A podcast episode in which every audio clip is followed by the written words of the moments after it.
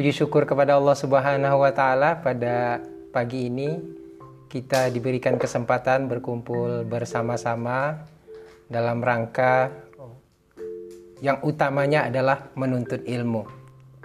Kemudian salawat dan salam kepada Nabi besar Muhammad sallallahu alaihi wasallam. Allahumma salli ala sayyidina Muhammad. Yang kami hormati Ibu Pembina Yayasan Ibu Dr. Susiana Tabrani, kemudian yang kami hormati Ibu uh, Rektor Profesor eh, Dr. Susi Endrini, kemudian Bapak Ibu sekalian uh, yang dirahmati Allah uh, Subhanahu wa taala. tema kita sebenarnya pada pagi ini ada dua. Jadi setelah saya klasifikasi uh, temanya itu ada dua. Satu tentang uh, adab bergaul, kemudian tentang bijaksana dalam uh, bermedsos. Nah, jadi ternyata ada dua. Ada bergaul berarti pergaulan kita secara physically, secara langsung. Adapun adab dalam bermedsos atau bijak dalam bermedsos artinya ketika kita bergaul melalui uh, media sosial. Ya bisa izinkan saya untuk sharing apa uh, eh, PPT, Ibu? Ini host disable participant screen sharing.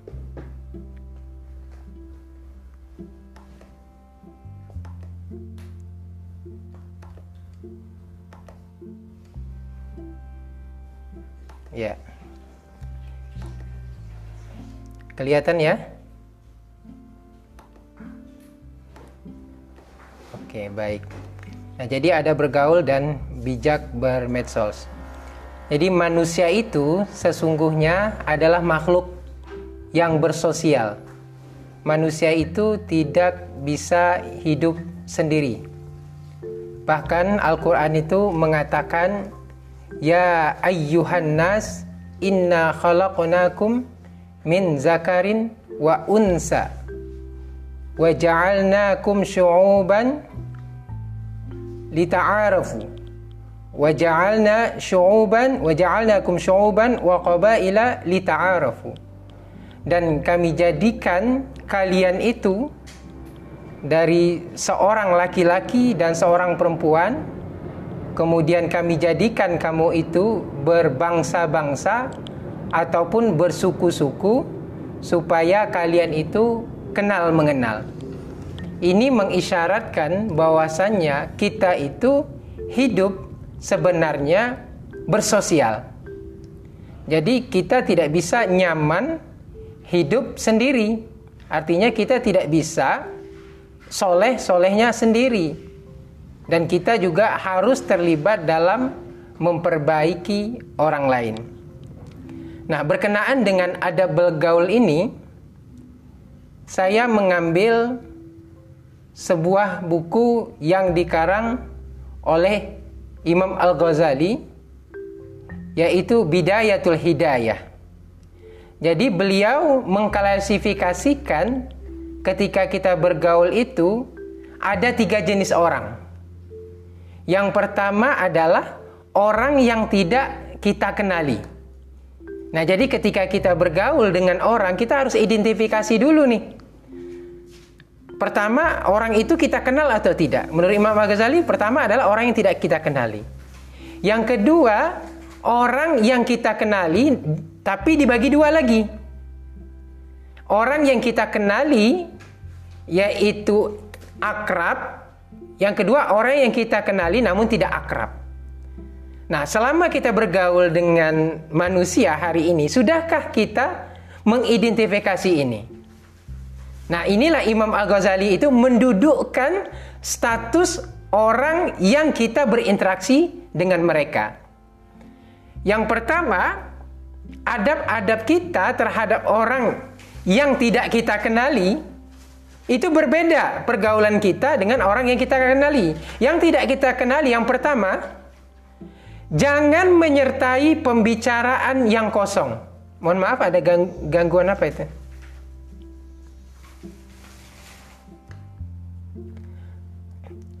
Jadi jangan menyertai pembicaraan kosong yang tidak berfaedah, yang tidak bermanfaat, omong-omongan yang tidak jelas itu harus kita hindari. Contoh, ketika kita di pasar kita berjalan, ini biasanya ibu-ibu nih ke pasar beli sayur dan lain sebagainya. Tiba-tiba ada sekelompok orang yang berbicara. Mereka itu bicaranya nggak jelas apa temanya, kemudian ngelantur, nggak ada topik, topik yang meningkatkan ketakwaan. Maka kita jangan nyimplung ke sana. Jangan ikut serta, apalagi nguping, itu nggak penting bagi kita. Begitu kata Imam Al-Ghazali. Yang kedua, jangan mendengarkan perkataan buruk. Nah, kalau ada sekelompok orang yang di sana membicarakan hal yang tidak baik, hal yang tidak bermanfaat dan tidak berguna, apalagi perkataan buruk, maka tinggalkan. Nah, jangan ikut pula berdiri di situ lama pula setengah jam kan, menghabiskan waktu. Kemudian kata Imam Ghazali, jangan hiraukan bila mereka berbuat jahat kepadamu. Maksudnya kalau ada mereka itu menyinggung kita biasanya tuh kita kalau berjalan uh, uh, ada yang mengganggu lah kira-kira, mengganggu kita. Itu jangan dihiraukan, jangan dipedulikan. So kita tidak kenal juga dengan dia. Dia bukan siapa-siapa kita. Dia mau mengganggu kita ya udah biarkan saja menghabiskan waktu. Kemudian menghindari atau berhajat kepada mereka. Jadi kita jangan terlalu memerlukan mereka. Jangan terlalu menggantungkan diri kepada mereka. Jangan meminta tolong kepada mereka. Karena kita tidak kenal kecuali dalam hal-hal yang sangat terdesak itu lain. Ini dalam konteks normal. Nah, lalu menasehati jika mereka berbuat mungkar. Idealnya kita sebagai seorang muslim itu memberikan nasihat apabila kita melihat kemungkaran yang terjadi di mana saja itu berada, baik orang yang kenal maupun yang tidak kita kenal. Nah, maka kita menasehati, menasehati mereka. Nah, kadang-kadang menasehati ini tergantung dengan kekuatan iman kita. Ada orang yang mampu menasehati dengan dengan lisan. Ada yang mampu dengan dengan tulisan. Ada juga dengan dengan kekuatan. Nah, jadi sesuai dengan level keimanan kita. Ini terhadap orang yang tidak kita kenali. Nah, lalu bagaimana dengan orang yang kita kenali dan kita akrab dengan dia? Anggaplah sahabat karib bahasa kita. Imam Al-Ghazali membagi dua lagi. Yang pertama, kita memilih sahabat. Jadi sekalipun kita kenal dan akrab, kita harus memilih sahabat kita. Lalu kemudian ada adab-adab dalam dalam bersahabat tersebut. Nah, kita kenal, kita akrab, tapi kita juga selektif terhadap uh, persahabatan kita. Nah, kita yang pertama memilih sahabat. Nah, ini ada yang mengatakan orang itu mengikuti agama sahabatnya. Kalau dia bersahabat dengan orang yang baik, dengan orang yang soleh, dengan orang yang taat, maka dia akan minimal kecipratan kebaikan ataupun ketaatan sahabatnya itu, ketaatan temannya itu. Ya minimal kalau kita bersahabat dengan orang yang sholat, kita akan melihat waktu zuhur dia akan pergi sholat. Dan kita merasa, eh rasanya nggak enaknya, nggak sholat gitu teman-teman pada sholat semua. Walaupun level keimanan kita ketika itu masih level malu dengan orang. Tapi seiring berjalannya waktu kita harus tingkatkan. Oleh karena itu, hendaknya seseorang itu melihat siapa sahabatnya. Siapa temannya? Siapa orang yang dia ajak berpikir? Yang dia ajak berbicara, yang dia ajak bersama-sama, yang dia ajak bekerja, itu harus menjadi konsiderasi bagi kita. Jadi jangan mentang-mentang pingin kita menjadi orang yang terbuka semuanya ditemani. Betul, kita berteman dengan semua orang, tetapi kita harus juga mampu memfilter yang mana teman yang mampu menyelamatkan kita, mana yang tidak menyelamatkan kita. Itu. Ini memilih sahabat, ini quotationnya. Kemudian siapa sahabat-sahabat yang kita pilih itu? Pertama orang yang berakal. Orang yang berakal di sini maksudnya orang yang normal. Bukan orang yang kalau bahasa itu eh, bahasa-bahasa yang nggak jelasnya itu orang yang nggak jelas gitu.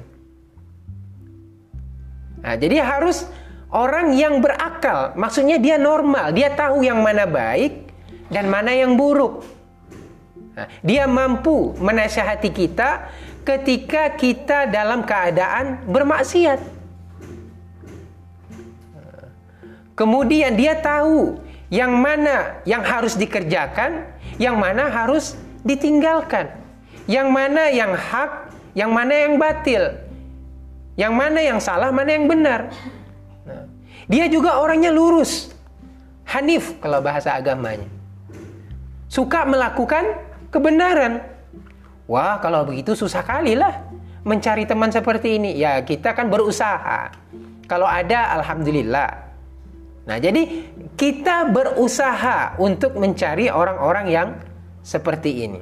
Namanya adab. Dalam Islam itu kalau adab itu memang e, diatur secara e, detail sedemikian rupa. Kemudian tidak berteman dengan orang yang jahil. Yang jahil ini bukan yang tidak tahu membaca. Dalam Islam, jahil itu bodoh itu bukan orang yang tidak tahu membaca. Bahkan dia tahu membaca, tahu berhitung, dan bahkan expert di bidang membaca dalam menghitung, juara bahkan matematika. Tetapi jahil dalam arti pengertian ini dia jahil dalam hal agama. Mohon maaf, misalkan mabuk-mabukan, berjudi, berzina, kemudian mencuri, itu jahil. Coba korupsi, coba ditanya dengan orang yang korupsi, tahu nggak dia baca? Tahu, kalau nggak nggak mungkin dia selesai kuliah misalkan. Coba tanya, bisa nggak dia berhitung? Bisa, orang akuntan misalkan. Nah, jahil itu adalah dia tahu tetapi dia tidak mengamalkan. Nah, jadi tinggalkan orang seperti ini. Wah, kalau gitu dong aku sendirian lah. Ini kan usaha.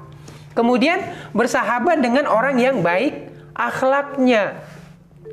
Yang baik tingkah lakunya.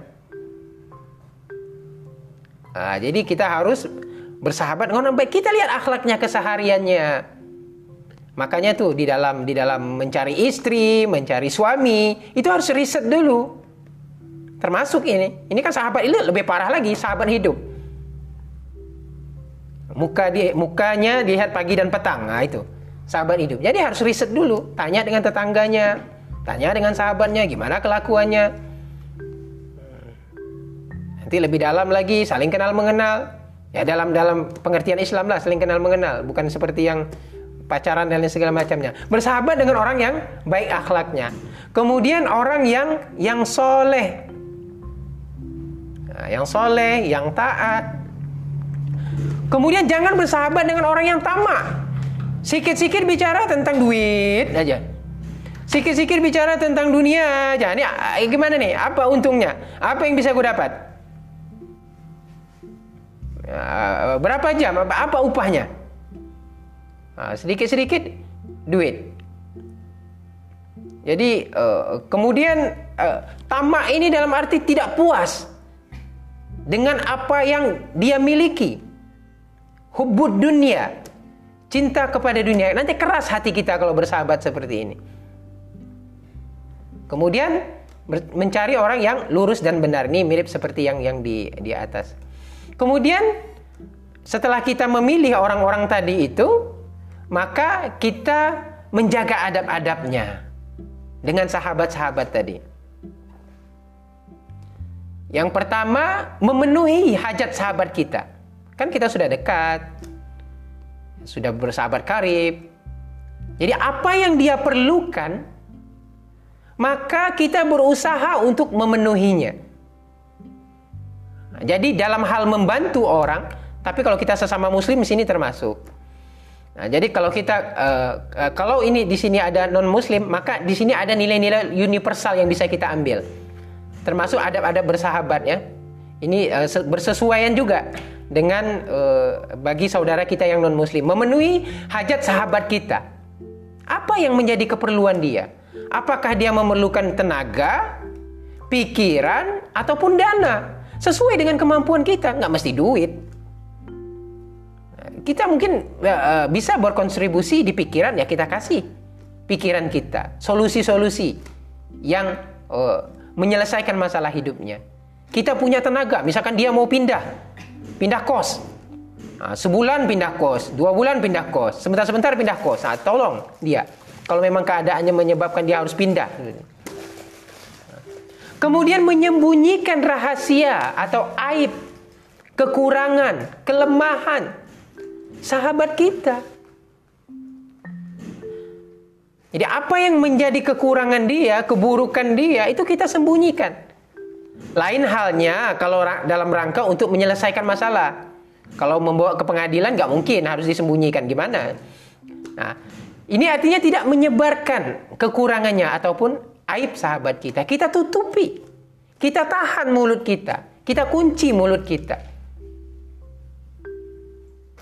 Karena menyebarkan aib orang itu adalah dosa.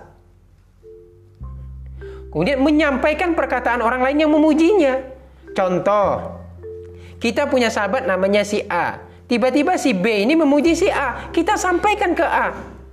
Wahai sahabatku, tadi si B telah memuji kamu. Oh kamu itu orangnya baik Kalau datang menyediakan air putih Ada kerupuk, ada kuaci Ada macam-macam lah Di situ menyediakan makanan sesuai dengan kemampuan, disuruh buka kulkas walaupun isinya tak ada di kos misalnya. Nah, jadi itu yaitu menyampaikan pujian itu. Supaya apa? Supaya dia senang. Tetapi bukan memuji dalam konteks yang tidak kena mengena. Contohnya dia misalkan dalam belajar agak malas-malas. Kita sampaikan, oh si B bilang kamu tuh rajin belajar. Ah, tambah jadilah kemalasan dia. Dia aja yang segitu malasnya, kemudian ada yang memuji rajin, itu gimana tingkat kemalasannya itu jadinya. Kemudian mendengarkan sahabat kita ketika dia berbicara. Kita dengarkan baik-baik. Walaupun kadang-kadang kita tahu topik yang dia bicarakan itu. Misalkan dia, dia eh, bicara tentang sejarah Nabi, kita juga pernah belajar padahal. Dia berbicara tentang, oh saya sudah pernah pergi ke sini, ke, ke ke mana gitu. Padahal kita juga sudah pernah, misalkan. Ya udah kita dengarkan saja baik-baik. Itu cukup melegakan dirinya, cukup melegakan hatinya. Kalau dia punya masalah, walaupun juga misalkan dia bercerita, aduh, masya Allah orang tuaku seperti ini nih, lagi sedang uh, apa, lagi sedang uh, memerlukan uang, adik saya sakit kita dengarkan. Walaupun pada saat yang sama ya aku juga perlu uang nih. Ah, kamu mengadu aku pening, aku juga pening. Nah, minimal kita mendengarkan sahabat kita ketika berbicara. Kemudian meninggalkan berbantah-bantah, berdebat-debat. Ini berdebat tak penting ya, bukan debat yang uh, dalam hal intelektual. Nah, ini debat-debat, debat kusir. Jadi kita kita tinggalkan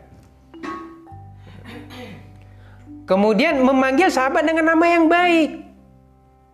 Jangan nama-nama yang nama-nama hewan dan segala macam itu dilemparkan kepada uh, sahabat kita. Kasih apa nama dia yang terbaik. Apa nama panggilan dia yang menyenangkan hatinya. Yang memang ada kebaikan pada dirinya. Nah, sebut namanya ketika berbicara.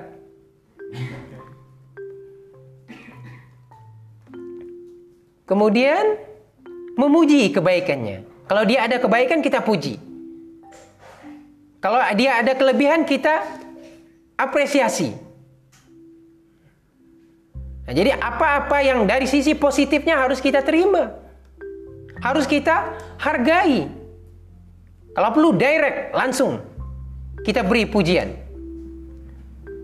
Uh, macam macam acara hari inilah.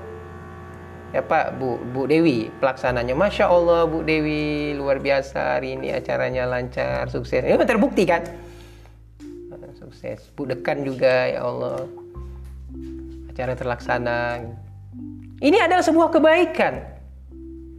Menghidangkan, menghidangkan ilmu bagi bagi mahasiswa, bagi kita semua. Jadi jadi tidak berterima kasih Orang dianggap tidak berterima kasih kepada Allah apabila dia tidak berterima kasih kepada manusia. Karena kemurahan hati seseorang itu Allah yang menggerakkan. Kalau bukan Allah yang menggerakkan tidak akan sampai Eh, kebaikan-kebaikan orang kepada kita. Kemudian memberi nasihat dengan bahasa yang lembut. Kalau dia ada salah, jangan ditegur di depan orang. Kamu tuh. Lihat itu. Nah, jadi dengan bahasa-bahasa yang padahal orang rame misalkan di situ. Nah, jadi kita memberi dengan nasihat yang lembut. Tidak di depan orang ramai, kita panggil dia dulu. Kalau perlu ajak makan. Kalau ada duit lah. Kalau tak ada duit ajak minum aja deh. Kalau tak ada minum ajak maraton. Nah, di maraton itulah kita sampaikan. Oh iya tadi saya mendengar bagus uh, yang kamu kerjakan pembicaraan, tapi ada hal-hal yang uh, kurang tepat. Nah seperti itu. Jadi dengan bahasa yang lembut tidak menyakiti dan tidak menggurui. Kemudian memaafkan segala kesilapannya dan tidak mencelanya. Kita ini kumpulan manusia, bukan kumpulan malaikat. Kumpulan manusia itu pasti ada salah di sana. Pasti ada kekhilafan. Pasti ada dosa. Nah, jadi apabila dia melakukan kesilapan yang tadi kan kita nasihati, lalu kemudian kita memaafkan kekurangan dan kelemahannya itu dan tidak mencelanya dan tidak menghantamnya dan tidak menghinanya balik. Jadi kita maafkan. Nah, setelah kita maafkan tuh jangan, oh iya sudah saya maafkan di depan lembutnya minta ampun, di belakang dihantamnya lagi kan? Nah ini tidak fair. Jadi kalau sudah pas bermaaf-maafan, kholas kata orang Arab itu selesai. Tak ada lagi bawa balik ke rumah, apalagi dibawa ke dalam mimpi. Bangun tidur ingat lagi. Ah, itu itu tak aci itu. Itu namanya bukan memaafkan. Itu tak jelas maafnya. Kemudian mendoakan sahabat kita. Ya Allah, sahabat saya ini barulah semester 1. Mudahkanlah dia selesai kuliah. Lagi 4 tahun nih. Ah, berikanlah dia rezeki, berikanlah dia kelapangan. Ah, berikanlah dia kemudahan. Ah, berilah dia kepandaian, kecerdasan. Nah, itu kita doakan mereka, sahabat-sahabat kita ini. Kita sebut namanya satu persatu. Kita bayangkan wajahnya. Ini mendoakan itu perlu. Karena kekuatan itu senjata orang muslim, orang mukmin itu adalah doa. Kemudian tidak membebankan hidupnya. Berusaha kita. Kalau perlu kita yang meringankan, bukan menambah beban. Sudahlah kawan tuh banyak masalah. Masalah inilah, masalah itulah, masalah belajar lah, masalah kos lah, masalah SPP lah. Tiba-tiba ah ditambah pula lagi aku nih punya masalah nih. Satu, dua, tiga, empat, lima, enam, tujuh. Ah pingsan kawan tuh, stres. Ya, jadi tidak membebankan hidup mereka. Kemudian ah ini orang yang kita kenali yang tapi kita tidak akrab. Kita kenal ya, karena kenal begitu saja lah. Yang pertama adalah tidak terpesona dengan kebesarannya. Ini hati-hati. Kita kalau kenal dengan orang sekali dua itu jangan terlalu terpesona. Wow, great nih. Great woman, great man, great people. Wow yang manusia hebat. Jadi jangan terlalu cepat kata Imam Al-Ghazali. Terpesona. Terpesona nanti terpesong. Tahu terpesong, terperangkap. Jadi tidak terpesona dengan kebesarannya, tidak menyebut kebesarannya, tidak menyebut kehebatannya karena Allah yang tahu akan kehebatannya. Kan toh kita tak kenal secara mendalam. Kita belum pernah hidup bersamanya. Kita tidak tahu detail kehidupannya seperti apa. Jadi biasa-biasa saja. Jadi jadi maksudnya mahasiswa mahasiswi sini nanti kalau sampai ke Pekanbaru ini tidak sampai ke Pekanbaru semua nih. Jumpa orang, dua orang, tiga. Halo, assalamualaikum, waalaikumsalam. Eh, tukar handphone. Oh dia tuh ini ini ini ini ini. Oh jangan begitu. Slow, biasa-biasa saja. Uh, enjoy your life. Tenangkan. Tidak tidak terlalu ya. Takutnya berlawanan dengan keterpesonaan kita. Kemudian tidak mencampuri urusan mereka. Kata Imam Ghazali, kamu tidak kenal lebih mendalam, tidak akrab, tiba-tiba nak mencampuri pula kehidupan mereka lebih dalam lagi. Nah, jadi cukup sudah sebagai perkenalan biasa. Nanti tiba-tiba baru kenal tiga hari, nanya anaknya gimana, kemudian tempat tinggalnya di mana, ini apa rumahnya gimana nih, ada apa ya eh, kekurangannya segala. Oh terlalu jauh. Padahal kita tidak akrab. Ini kata Imam Al-Ghazali. Nah, uh, Imam Imam Al-Ghazali seorang yang sudah belajar ya, uh, melalang buana. Kalau dari aspek fikih dia pakarnya, kemudian dari aspek tasawuf beliau juga pakarnya. Nah, jadi kemudian begini kata Imam Al-Ghazali. Uh, Bapak masih ada waktu kah atau macam mana nih? Saya berbual aja nih belum sampai medsos lagi nih. Pak Rian? Oke, baik. Apabila engkau melihat kepada ahli dunia, ahli dunia ini maksudnya orang-orang yang uh, memiliki segala-galanya di dunia ini. Kendaraan yang bagus dia punya, rumah dia punya, gedung dia punya, uh, sepatu bagus dia punya, tas dia punya dan segala. Pokoknya ahli dunia itu istilahnya apabila engkau melihat kepada ahli dunia dengan pandangan kebesaran yang kau melongo, wajah sampai melongo, sampai tertunduk-tunduk misalkan. Maka akan jatuhlah harga dirimu pada pandangan Allah. Nah, maka rendah posisi kita di hadapan Allah Subhanahu wa taala dan Allah akan rendahkan kita juga. Karena mengagungkan manusia sementara lupa dengan yang maha agung yaitu Allah Subhanahu wa taala. Jadi mahasiswa, mahasiswi sekalian eh, masih muda ya. Kalian semua masih muda. Nanti tentu banyak bergaul, banyak bertemu dengan orang untuk tidak supaya jangan terpesona mengagung-agungkannya, biasa saja. Karena nanti kalau kita terlalu membesarkan Allah akan merendahkan harkat martabat kita.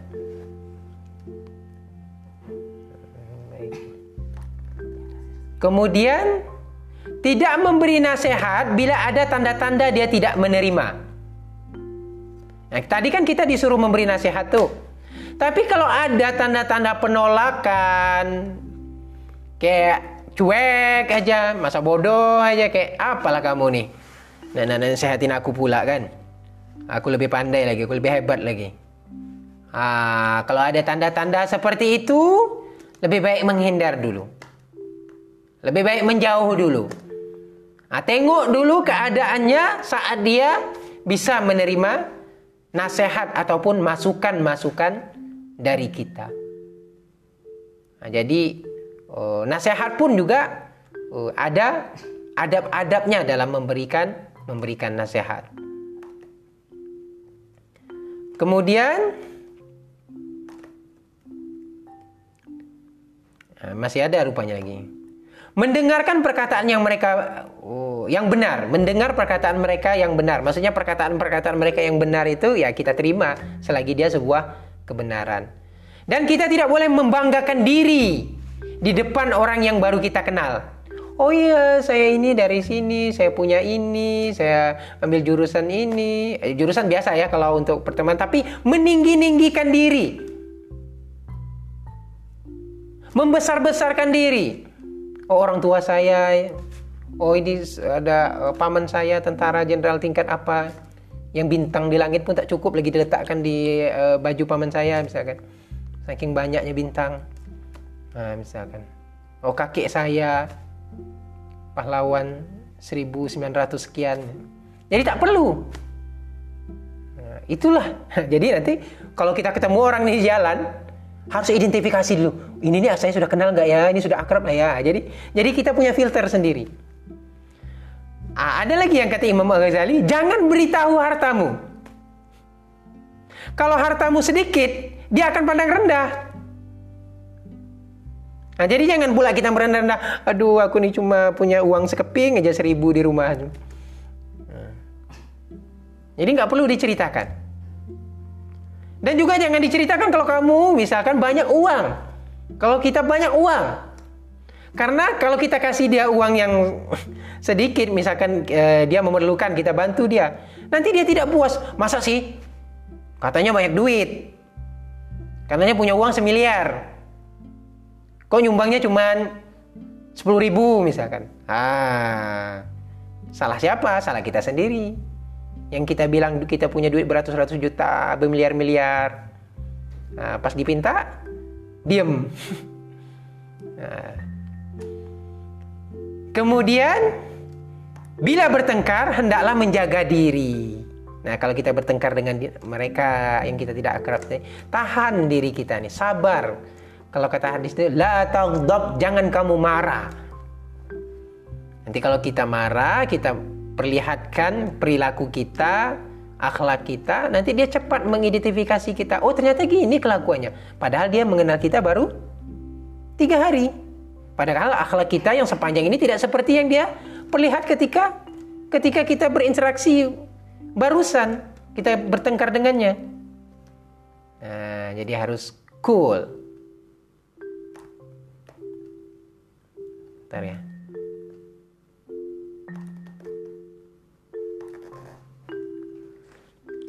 Ah, barulah masuk ke bijak bermedsos.